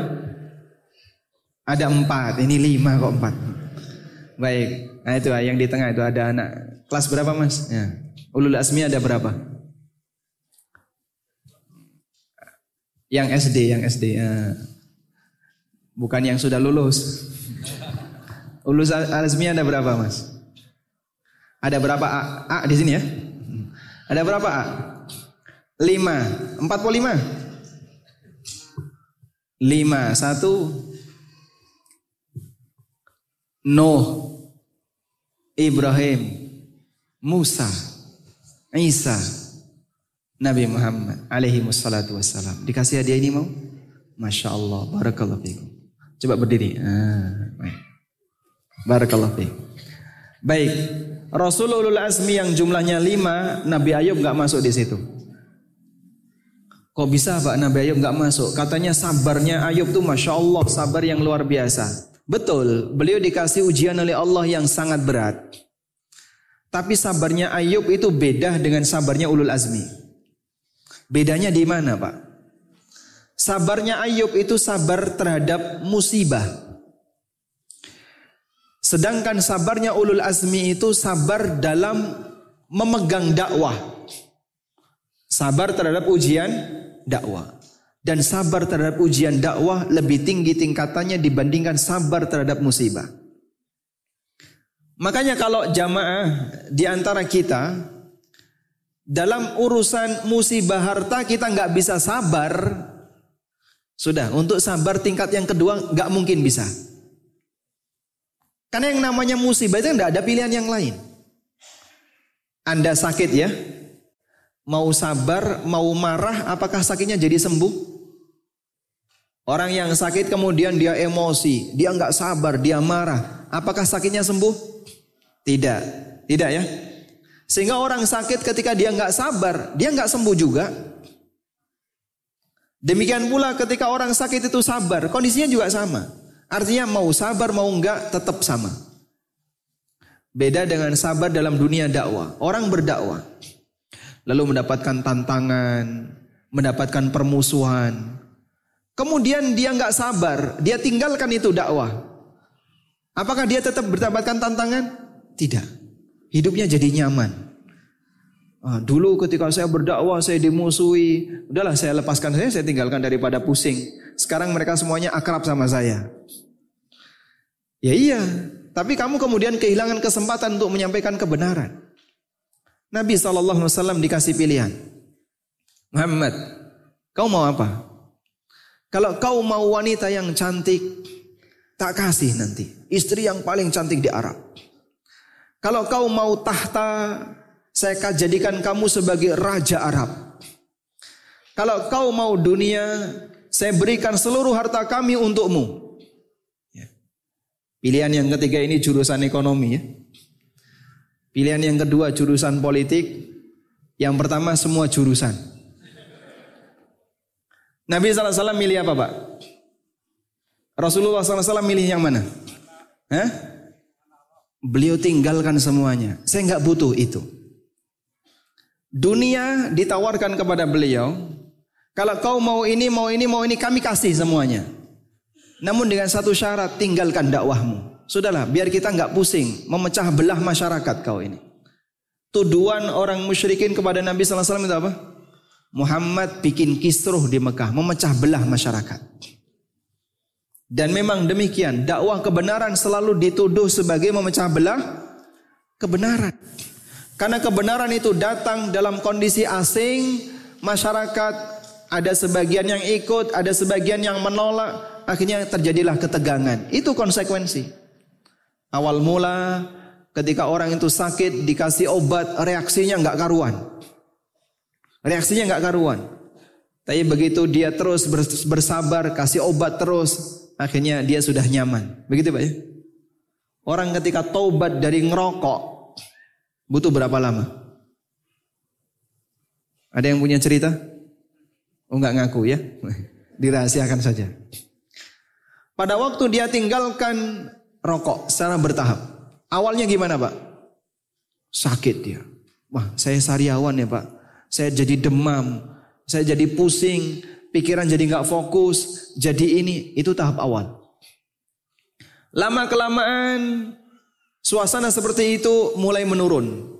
Sabar di depan seperti ini butuh waktu yang cukup dan orang harus kuat. Dakwah juga sama. Mungkin pada waktu Islam itu dianggap sesuatu yang asing, ajaran sunnah dianggap sesuatu yang asing, Jadinya kita banyak disudutkan, memecah belah umat, bikin ribut di masyarakat dan seterusnya. Nabi SAW persis juga mengalami hal yang sama. Andaikan beliau nggak sabar, sudahlah daripada ribut, udah saya tinggalkan saja. Saya nggak usah dakwah. Berarti beliau, beliau dapat kenikmatan enggak? Dapat kenikmatan. Beliau akan dijadikan raja, dikasih harta, tapi dengan cara beliau tinggalkan dakwah. Namun beliau bersabar. Makanya sabarnya ulul azmi lebih tinggi sebab sabar ini sabar dalam masalah ujian dak dakwah. Baik. Yang sedang kita bahas itu baru sabar di ujian dunia, sabar kelas nomor dua. Lebih rendah dibandingkan yang pertama. Yang kayak gini kita masih nggak sanggup, berarti sabarnya perlu dilatih lebih kuat. Sabarnya perlu dilatih lebih kuat. Nah selanjutnya Kadang ujian itu Allah datangkan di akhir hayat. Kadang ujian Allah datangkan di awal kehidupan. Ada orang kaya sejak lahir. Masya Allah ya. Begitu dia lahir tidur di ranjang emas. Orang tuanya kaya maksudnya ya. Kemudian dia dewasa, dia berkeluarga, usahanya masih cenderung naik. Begitu di usia 60 Allah uji dengan kemiskinan. Banyak usahanya yang kolaps. Mungkin dia berurusan dengan negara sehingga hartanya banyak disita, disita, disita. Akhirnya dia mulai dari titik nol. Ujiannya dalam urusan dunia ditaruh oleh Allah di belakang. Sudah? Ada juga yang ujiannya ditaruh di depan. Mas saya dulu waktu masih kuliah mas untuk beli nasi bungkus saja kadang cuma sanggup sehari sekali. Awal-awal kita usaha, begitu awal nikah usaha, masya Allah ya. Saya nggak pernah ngasih uang nafkah ke istri. Tapi alhamdulillah istri anaknya bupati. Oh, kamu bejo banget. Gak punya kerjaan tapi dapat anak bupati.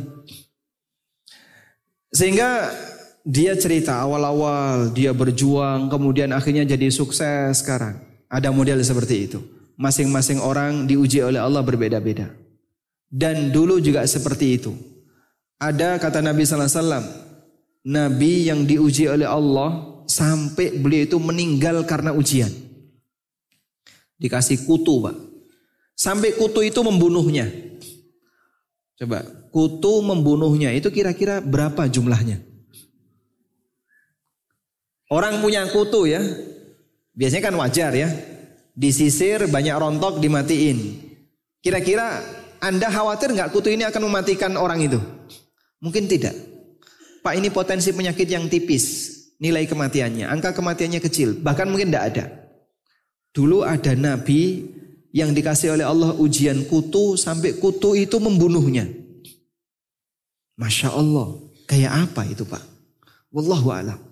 Ujian itu dia bawa sampai mati. Ada juga nabi yang dia mengalami ujian sakit kulit sampai dia mati. Ada juga orang yang dia mengalami ujian kemiskinan sampai mati dia miskin. Jadi nggak perlu heran ada sebagian orang yang dia di akhir hayatnya dikasih oleh Allah ujian kemiskinan. Namun itu bukan tanda antara cinta dan bencinya Allah. Paling penting itu. Berarti jangan suudon kepada Allah ya. Pak kalau saya di usia tua gini kok miskin ya. Apakah Allah mau menyiksa saya di dunia? Tolong dan dulu. Jangan komentar dulu tentang Allah. Boleh Anda suudon pada diri Anda. Tapi jangan dikaitkan dengan perbuatan Allah terlebih dahulu. Sebelum kita tahu pasti. Bapak kedepankan husnudon. Barangkali Allah jadikan Bapak seperti ini di akhir hayat. Mungkin karena Allah hendak meningkatkan derajat Bapak. Bapak sekarang Masya Allah sudah kelihatan rajin ke masjid Pak ya. Begitu sholat subuh ada di soft paling depan ya. Padahal dulu nggak pernah nyentuh air wudhu. Sekarang subuh sudah berada di soft paling depan. Rajin ikut kajian, rajin beramal dan seterusnya. Semoga dengan musibah ini derajat Bapak semakin naik, semakin tinggi di hadapan Allah Subhanahu wa taala. Dan tidak semua ujian itu perlu disikapi jangan-jangan karena dosa Allah hendak menghukum saya sekarang. Tidak, tidak harus demikian. Anda di posisi akhir hayat Nabi SAW meminta untuk apa? Perbanyak hus husnudzan. La yamutanna ahadukum wa huwa yuhsinudzanna billah. Jangan sampai kalian mati kecuali dalam kondisi husnudzan kepada Allah. Nah, husnudzan kepada Allah itu memandang semua takdir Allah yang ada pada dirinya dijadikan sebagai hal yang positif. Mungkin bisa jadi ini cara Allah mau membersihkan kesalahan saya atau meningkatkan derajat saya. Insya Allah cara seperti itu lebih bagus. Wallahu a'lam. Baik. Syukuran Ustaz atas jawabannya. Pertanyaan selanjutnya. Rahim. Alhamdulillah Ana perdana bermajelis dengan Ustaz yang sebelumnya kami hanya mengambil manfaat dari Ustaz media elektronik. Karena senang Ustadz kebat. Apabila seorang berbisnis, metodenya sudah syar'i, namun niatnya untuk memperkaya harta, apakah niat ini salah atau benar Ustadz? Tapi untuk bersyukur, syukran zakallahu khairan. Silahkan. Barakallahu fiqh. Punya keinginan untuk jadi orang kaya, boleh atau tidak Pak? Boleh Pak? Karena kita semua mengalaminya Pak ya. Masya Allah. Rata-rata di antara kita punya bayangan ingin jadi orang kaya, bisa punya rumah, punya kendaraan mewah. Kalaupun nggak mewah ya minimal roda empat ya. Tapi bekas alpat nggak apa-apa ya. Jadi kita punya harapan di dunia sejahtera. Dan itu selalu yang membayangi kehidupan manusia. Jadi seperti ini boleh atau tidak? Ya secara umum boleh. Namun keinginan kaya seperti ini tidak ada nilai positif maupun negatif. Kecuali jika Anda punya keinginan yang kedua. Yaitu menjadikan kekayaan ini sebagai sebab untuk mendukung tak, takwa. Karena itu Nabi SAW bersabda, La ba'sa bil ghina limanit Tidak masalah orang punya kekayaan bagi orang yang tidak masalah memiliki kekayaan bagi orang yang bertakwa. Tidak masalah punya kekayaan bagi orang yang bertakwa. Baik.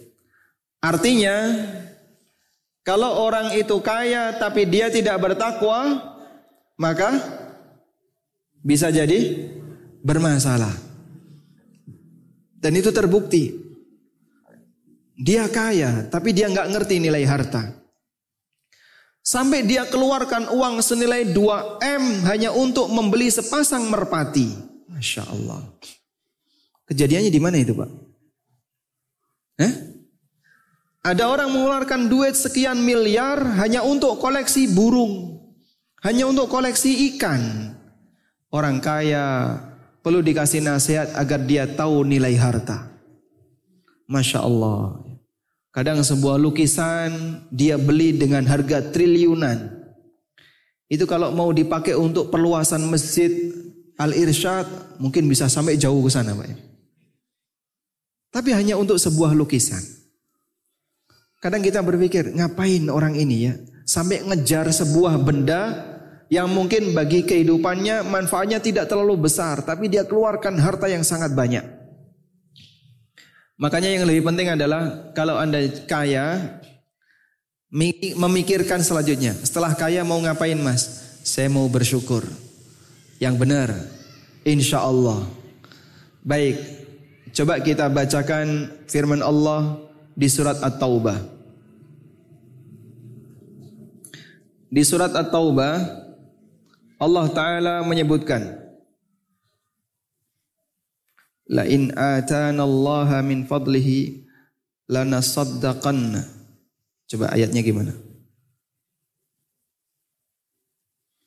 Ada di surat At-Taubah ayat 75. Wa minhum man ahadallaha. Di antara mereka ada yang berjanji di hadapan Allah. La in atana min fadlihi kalau Allah memberikan karunia-Nya kepadaku, kalau Allah menjadikan bisnisku lancar, usahaku sukses, lanasaddaqanna, maka aku akan rajin sedekah. Walanakunanna minas salihin dan aku akan menjadi orang yang saleh. Nanti saya akan bangun masjid, saya akan berangkat haji, mengajikan masyarakat satu RT, dia punya banyak rencana-rencana besar dan dia ngomong seperti itu ketika dia berharap kekayaan. Lalu apa realita yang terjadi? Falamma atahum min fadlihi bakhilu bihi. Ketika Allah berikan kepada mereka kekayaan, mereka jadi bakhil wa tawallaw wa hum mu'ridun lalu mereka berpaling, lupa dengan janjinya dan mereka tidak melakukan apa yang dulu mereka katakan. Yang lebih berbahaya lihat di ayat 77. Ada di At-Taubah mulai ayat 75 sampai 77. Fa'aqabahum nifaqan fi qulubihim ila yaumi yalqaunahu. Maka Allah hukum mereka dengan Allah jadikan hatinya sebagai hati munafik ila yaum yalqaunahu sampai mereka ketemu Allah. Artinya sampai apa? Sampai mati. Bima akhlafullaha ma wa'aduhu disebabkan karena mereka menyalahi janji yang pernah mereka ucapkan di hadapan Allah wa bima kanu yakzibun dan disebabkan karena mereka berdusta. Maka tolong diwaspadai. Kadang munafik asghar itu bisa menjadi munafik akbar. Jadi munafik itu kan ada dua ya. Ada nifak ada dua Pak. Ada asgor, ada satunya apa? Akbar. Nifak yang asgor yang bagaimana? Yang tidak menyebabkan pelakunya keluar dari Islam. Contohnya apa Pak? Contohnya Nabi SAW pernah bersabda, Ayatul munafiki salas. Tanda munafik ada tiga. Kalau bicara suka dusta, ketika berjanji suka mengingkari, kalau dikasih amanah dia khianat. Kemunafikan seperti ini tidak sampai menyebabkan pelakunya keluar dari Islam. Ada munafik akbar, yaitu kemunafikan yang menyebabkan pelakunya keluar dari Islam. Dan yang perlu difahami bahwasanya nifak asghar nifak asghar bisa berubah jadi nifak akbar. Nifak asghar bisa berubah jadi nifak asbar, jadi nifak akbar. Yang awalnya kemunafikan kecil jadi kemunafikan besar, menyebabkan orangnya keluar dari Islam. Dan ahli tafsir menyebutkan, ulama menyebutkan, nifak asghar ini menyalahi janji, menyalahi janji di hadapan manusia. Menyalahi janji di hadapan manusia. Nifak asghar dia menyalahi janji di hadapan siapa? Di hadapan Allah. Masya Allah. Sehingga dia jadi nifak akbar menyalahi janji di hadapan Allah setelah dia terbiasa dengan yang pertama. Awalnya ini Pak. Ketika berjanji dia mengingkari utang besok ya, besok. Bulan depan, bulan depan. Tahun depan, tahun depan. Kalau sudah ganti presiden, ditunggu sampai ganti presiden juga belum dibayar. La haula wala quwata illa billah. Rentangnya lima tahun ya. Nah begitu dia menyalahi janji kepada manusia dianggap enteng, nanti lambat laun dia akan menyalahi janji di hadapan Allah. Kalau sudah berani seperti ini, dia keluar dari Islam. Dan itulah yang terjadi pada orang munafik yang Allah ceritakan di surat At-Taubah tadi. Di antara mereka ada yang berjanji di hadapan Allah, nanti kalau kaya saya akan ini, saya akan ini, saya akan ini. Begitu benar dikasih oleh Allah kekayaan, Gak ada yang dilaksanakan semuanya. Maka Allah jadikan hatinya hati munafik disebabkan karena dia menyalahi janji kepada Allah dan disebabkan karena dia berdusta. Maka punya cita-cita jadi kaya, ingin sukses, kemudian dia berbicara di hadapan Allah, ya Allah kalau nanti saya kaya, saya akan ini, punya cita-cita seperti itu, nggak salah. Tapi tolong jaga baik-baik hatinya, kalau memang belum siap, tahan dulu. Belum tentu ketika Anda dikasih sebagaimana yang Anda harapkan dari Allah, Anda sanggup untuk melaksanakannya. Karena dulu ada orang yang dia dicap jadi munafik gara-gara seperti ini. Bahaya ya. Waliyadzubillah. Nah. Kurang Ustadz atas jawabannya. Pertanyaan selanjutnya. Assalamualaikum. Semoga Ustadz dan para jamaah selalu dalam lindungan Allah. Amin. Saat seseorang sedang dalam keadaan sempit, bolehkah dia meminta bantuan kepada manusia lainnya? Misalkan meminta bantuan pada pemerintah dengan cara mendaftar melalui RT RW. Karena pemerintah memang mempunyai anggaran untuk itu. Ataukah seharusnya diam saja padahal dia pantas untuk mendapatkan bantuan? Jazakallah Nah, wa jazakallah khairan. Bagi orang yang memang dia berhak untuk mendapatkan bantuan, dia berhak untuk memintanya berhak dapat berarti dia berhak untuk minta. Dan ini kaidah umum dalam masalah muamalah yang sifatnya sosial. Dalam muamalah non komersil. Seorang istri dia berhak dapat nafkah dari suaminya. Ternyata suaminya nggak pernah ngasih nafkah. Maka sang istri berhak apa pak? Berhak untuk dapat nafkah dari istrinya. Berhak untuk minta. Bang, Berapa lama abang absen? Gak pernah ngasih nafkah ya? Bulanan gak pernah dikasih, sering yang hilang ya. Rajin di warung kopi. Misalnya ya. Maka sang istri berhak untuk minta ketika haknya nggak dikasih. Demikian pula anak. Bapaknya nggak pernah ngasih apa pun. Anak berhak untuk minta. Selagi dia nggak mampu untuk bekerja. Nggak mampu untuk mendapatkan penghasilan. Baik. Hal yang sama juga terjadi pada rakyat. Ketika rakyat itu dalam kondisi miskin, dia nggak mampu, maka dia berhak untuk mendapatkan harta dari baitul mal. Baitul mal itu apa Pak? Kas negara. Sehingga dia berhak untuk minta. Dan dulu para sahabat radhiyallahu anhum ketika mereka membutuhkan kadang datang kepada Nabi sallallahu alaihi wasallam lalu minta dan Nabi sallallahu alaihi wasallam arahkan silahkan ke Baitul Mal. Orang-orang Uraniun mereka datang sampai di Madinah sakit dan mereka butuh obat. Oleh Nabi sallallahu alaihi wasallam diarahkan kalian datang ke apa tempat pengembalaan onta zakat. Minta susunya dicampur dengan air kencingnya. Terus itu dijadikan obat sembuh. Ada juga orang yang datang kepada Nabi sallallahu alaihi wasallam minta zakat lalu beliau arahkan ke Baitul Mal. Dan seterusnya, itu hal yang umum. Karena itu bagi orang yang membutuhkan dan dia sudah melakukan usaha tapi selalu gagal, akhirnya modalnya habis, dia berhak untuk minta zakat ke Baitul Mal. Dia juga berhak minta zakat ke lembaga-lembaga sosial yang mengumpulkan zakat. Cuman biasanya prosesnya akan panjang ya. Sehingga harus ini, harus ini.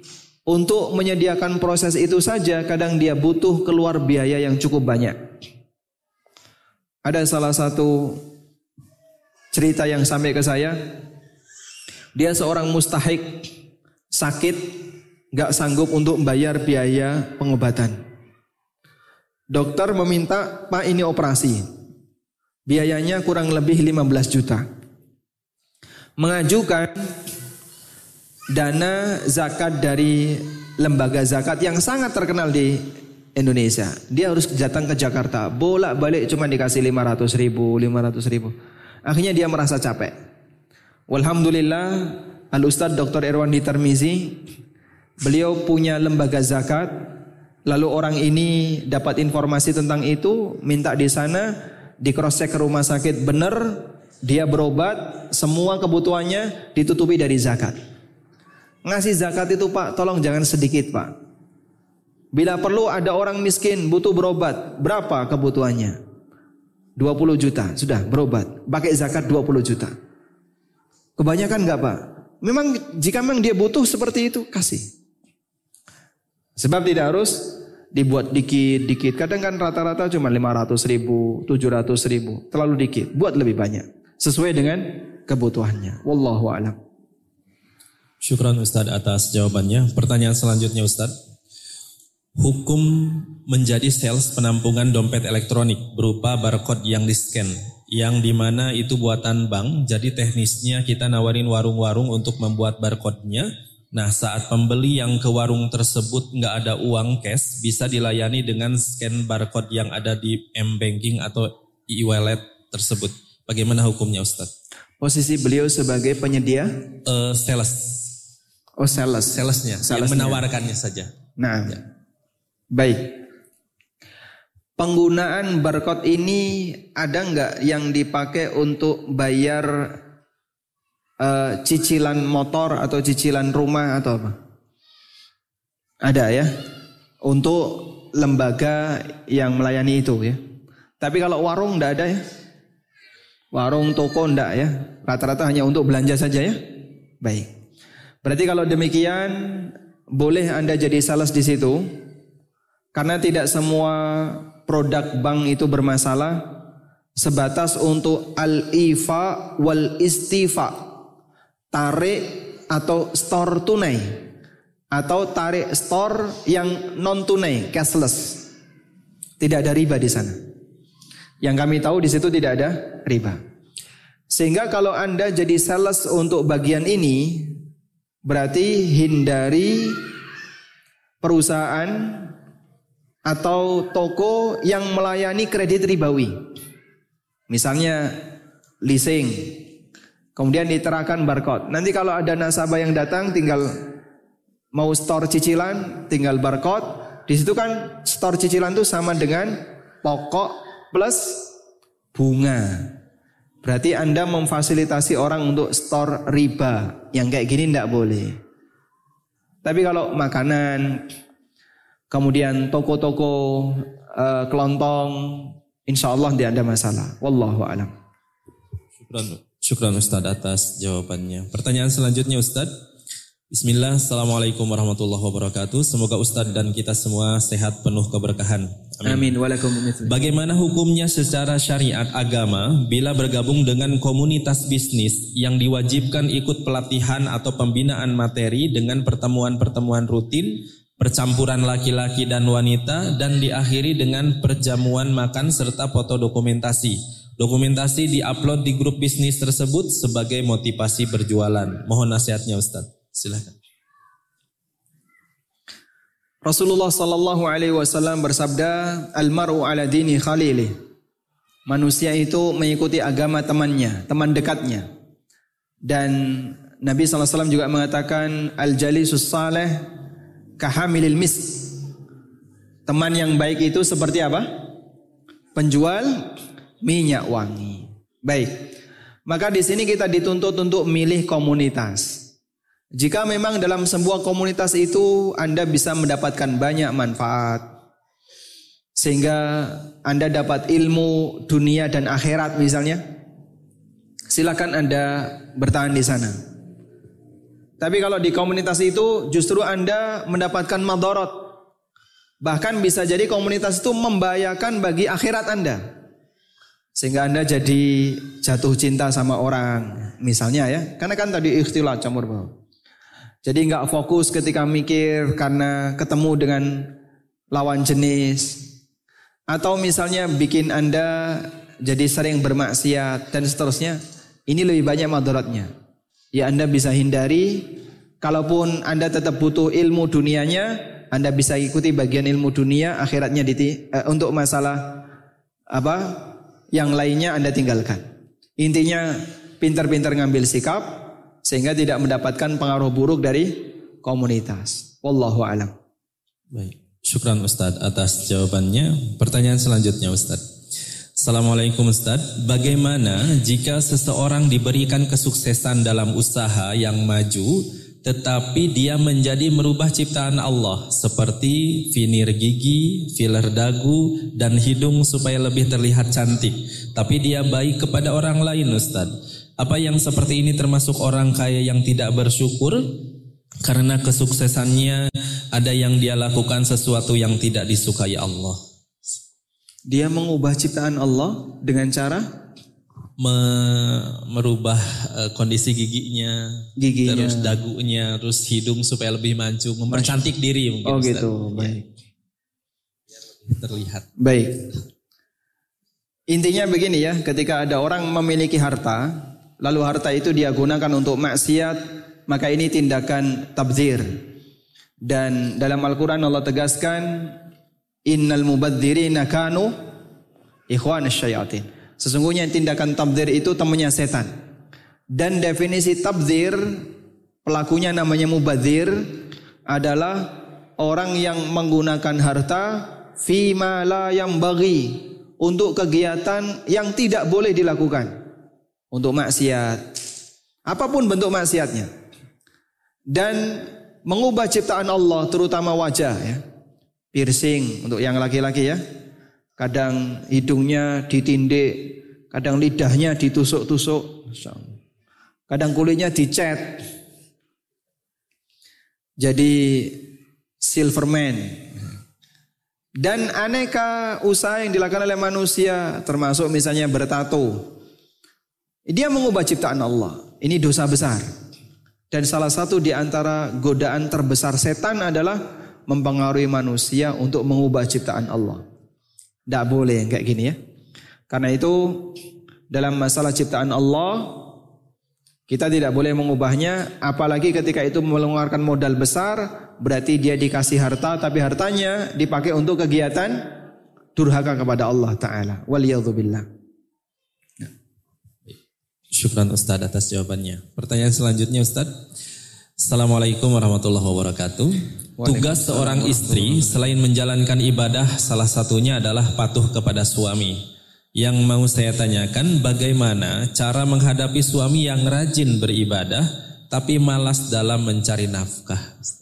Masya Allah. Bagaimana cara menanggapi suami yang rajin beribadah tapi malas nyari nafkah? Itu suruh nambah biasanya. Betul. Eh? Kalau disuruh nambah gimana? Eh? Nambah istri. Berbahaya ya? Masya Allah. Mencelakakan dua orang nanti. Baik. Barangkali kalau dia punya dua tanggung jawab kan semakin mikir ya. Akhirnya dia mau untuk bekerja. Gimana Pak? Nambah anak aja ya. Suruh nambah anak. Nah, tanya. Apa yang harus dilakukan oleh sang istri? Begini jamaah. Kewajiban suami dalam memberikan nafkah bagi istrinya itu standarnya adalah nafkah yang cukup untuk bisa hidup normal di masing-masing lingkungan. Dan itu berbeda-beda antara satu daerah dengan daerah yang lain. Satu orang untuk bisa hidup normal di daerah Padalarang, di daerah Bandung, butuh biaya berapa Pak? Untuk bisa hidup normal di daerah ini butuh biaya berapa? 100 ribu sehari? Cukup? Karena larang-larang ya 200 ribu ya. Mahal semua. 100 ribu cukup? Cukup, baik. Maka standar nafkah minimal yang harus dilakukan oleh yang harus diberikan oleh sang suami adalah 100 ribu per hari untuk istrinya. Istrinya saja. Agar dia bisa menjadi wanita yang bisa hidup normal di Bandung. Kalau kurang dari itu, suami punya kewajiban untuk bekerja lebih agar dia bisa ngasih dia bisa ngasih nafkah kepada istrinya sesuai standar minimal. Paham di sini? Kalau enggak gimana Pak? Kalau enggak dia berdosa. Kalau enggak dia berdosa. Sehingga standar minimalnya kembali kepada ukuran nafkah minimal di masing-masing daerah. Ukuran minimal di masing-masing daerah bukan bukan melihat dari kekayaan tetangganya. Nah, tinggal nanti perlu diketahui ibu yang bertanya itu kebutuhan nafkahnya berapa, yang dikasih suaminya berapa. Kalau sudah cukup, maka ibu tidak punya hak untuk memaksa suaminya bekerja.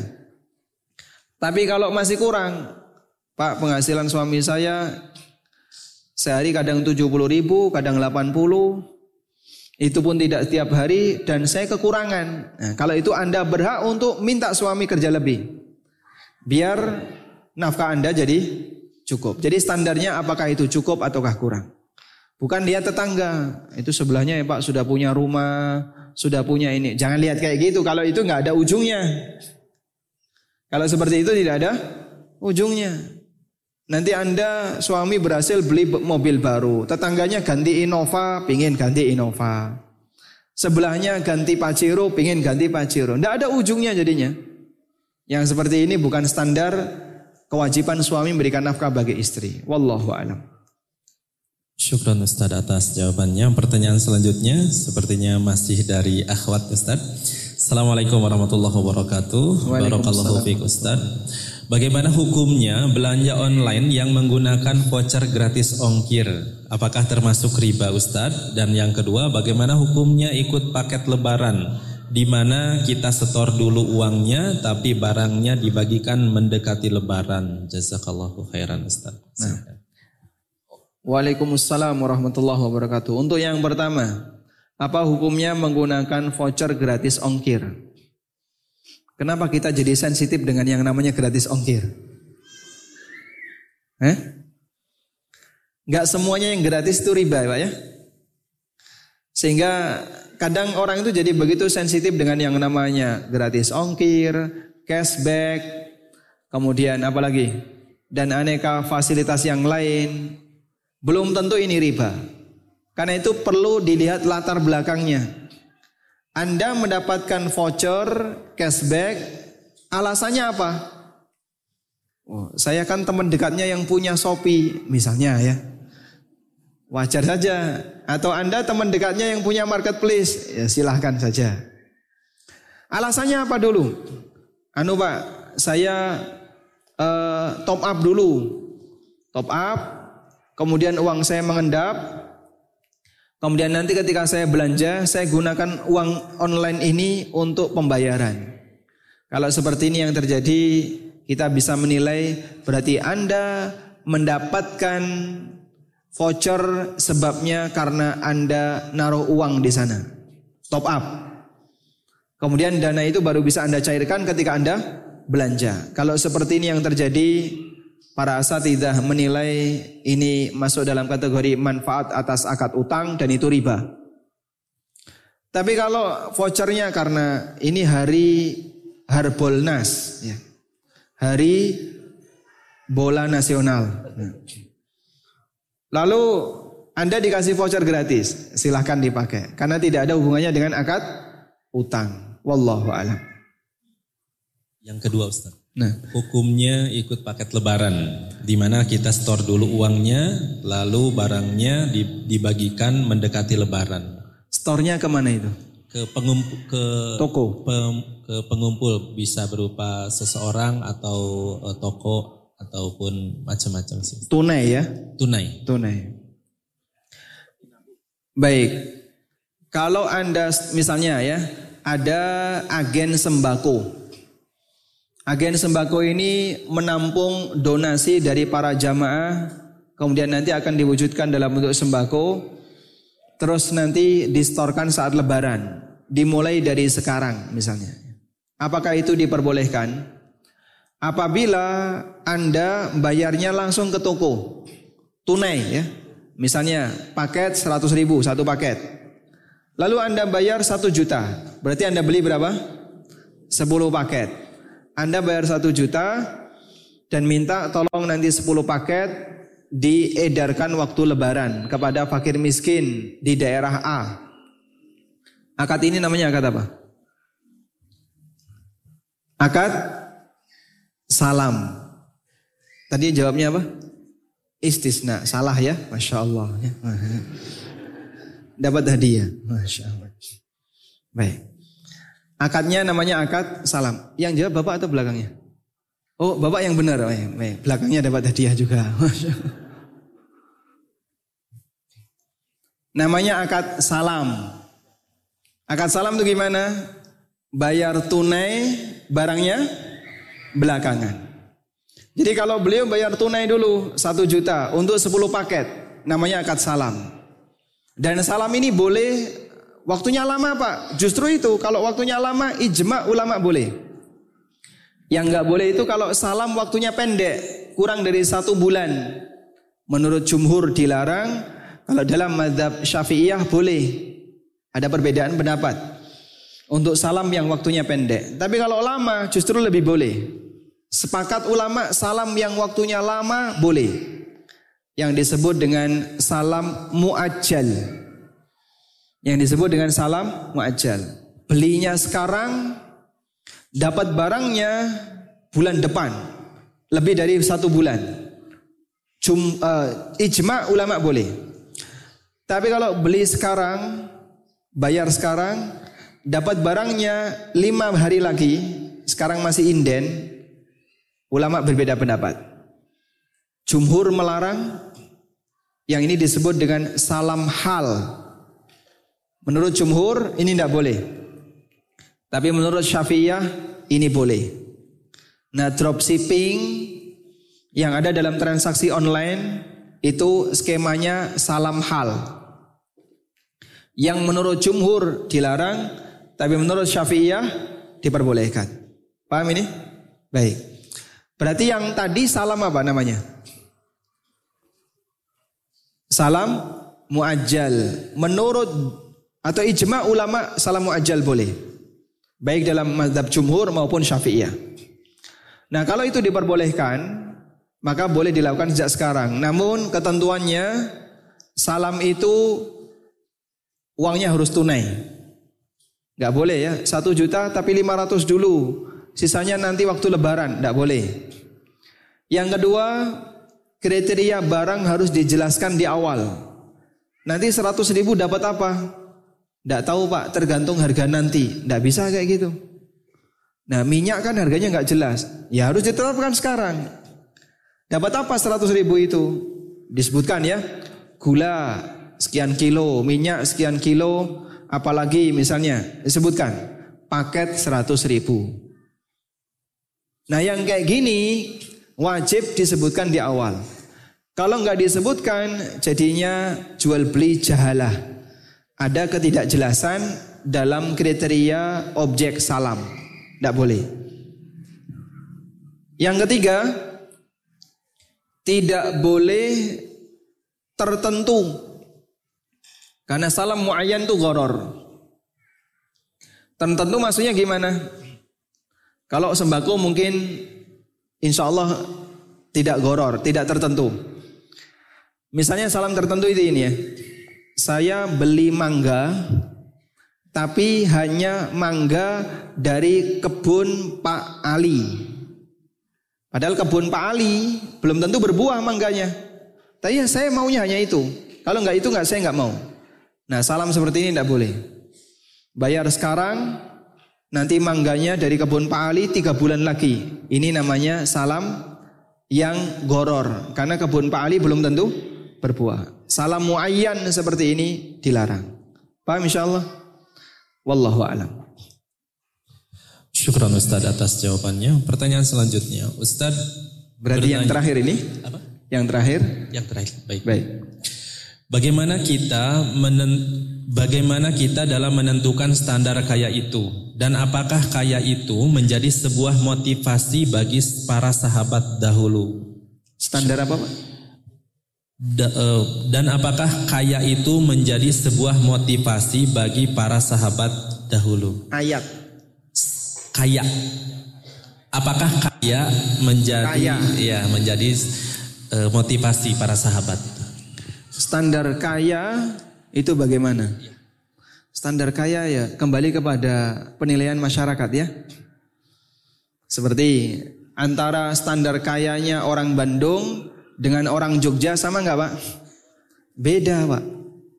Orang Bandung disebut kaya kalau dia sudah punya rima, eh, disebut kaya kalau dia sudah punya rumah sekian, mobil sekian. Nah itu baru kaya. Nanti Jakarta juga beda lagi. Maka istilah kaya itu beda-beda. Tapi kalau Anda bertanya tentang standar kaya menurut syariat, yang disebut kaya adalah muzaki.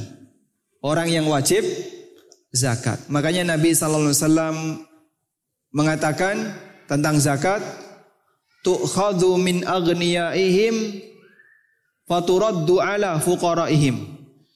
Zakat itu diambil dari orang kaya lalu dikembalikan kepada orang miskin.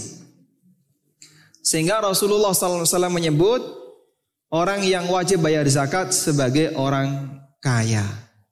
Dipahami insya Allah? Itu kalau standar syariat. Tapi kalau kaya standar uruf itu beda-beda. Sekarang kalau zakat mal 85 gram emas dijadikan duit jadi berapa Pak? Jadi duit berapa itu?